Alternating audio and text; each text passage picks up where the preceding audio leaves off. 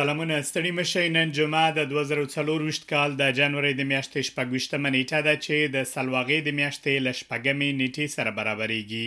او تاسو له اسبیس پښتو راډیو څخه د نن ورځې لنډ خبرونه اورئ. په ټول هیواد کې په زرګونو کسانو د یرغل او بقا د ورځو په لاریونونو کې برخه اخیستې ده.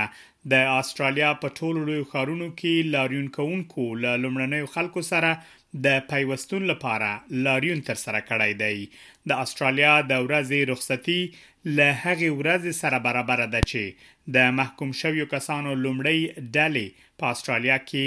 میشت ځای رامنځته کړی چې په 1988 کال کې په استرالیا کې د اروپאי استعمار د پایل څرګندونه کوي د استرالیا د ورځې په اړه بیلابل نظرونه شتون لري ځینې د غورځې ته د ملي ورځې او ځینې نور ورته د ماتم د ورځې په سترګه ګوري لومړي وزیر انتوني البنیزي د استرالیا په ملي ورځ د تابعیت په مراسمو کې د استرالیا د هویت د مرکز په توګه د تنوع ستاینه کړې ده دا په داسې حال کې ده چې زرګونه کسان د استرالیا د ملي ورځې په مناسبت په ټول هیواد کې په مختلفو مراسمو کې راغونډ شوي دي ښاغلي البنیزي د غونډې ګډونوالو ته ویلي چې د استرالیا ورځ هم د انعکاس او هم راتلونکي کې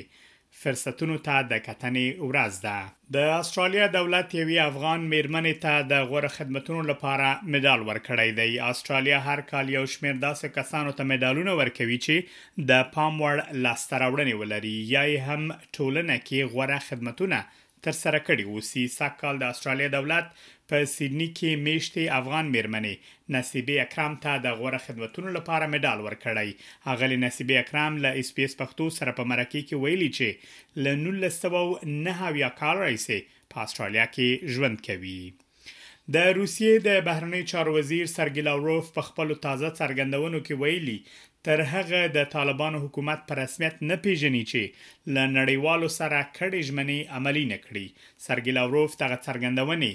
د امنیت شورا په غونډه کې له ګډون وروسته په متحده ایالاتو کې یوې خبري غونډې ته په وینا کې کړې دي. د لاوروف په ټکو د طالبانو حکومت د ښځو او نجونو حقونو ته د درناوي او د یو ټول شموله حکومت د جوړولو